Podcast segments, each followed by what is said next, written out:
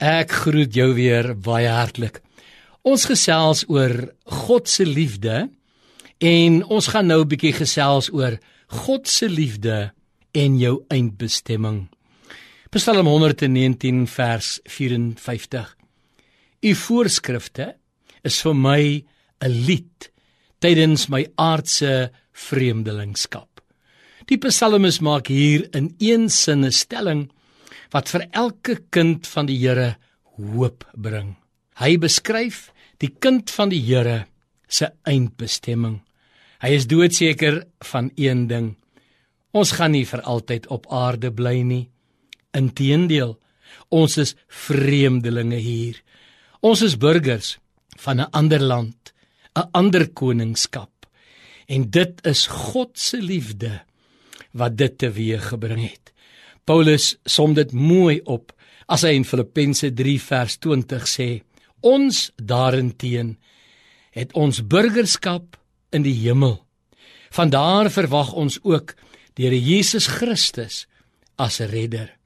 Hy sal ons vernederde liggame verander in liggame met goddelike heerlikheid soos sy eie. Nie alleen het ons 'n ander tuiste as hierdie aarde nie. Ons gaan ook 'n ander liggaam kry, 'n verheerlikte liggaam soos Jesus se. Wat 'n wonderlike boodskap vir u wat na die liggaam lê. Ek wil u bemoedig. Kom ons hou aan om die Here te dien. Dit word beter vorentoe. Ons dae op aarde is getel. Of deur die dood of deur die wederkoms gaan ons 'n nuwe tuiste betree.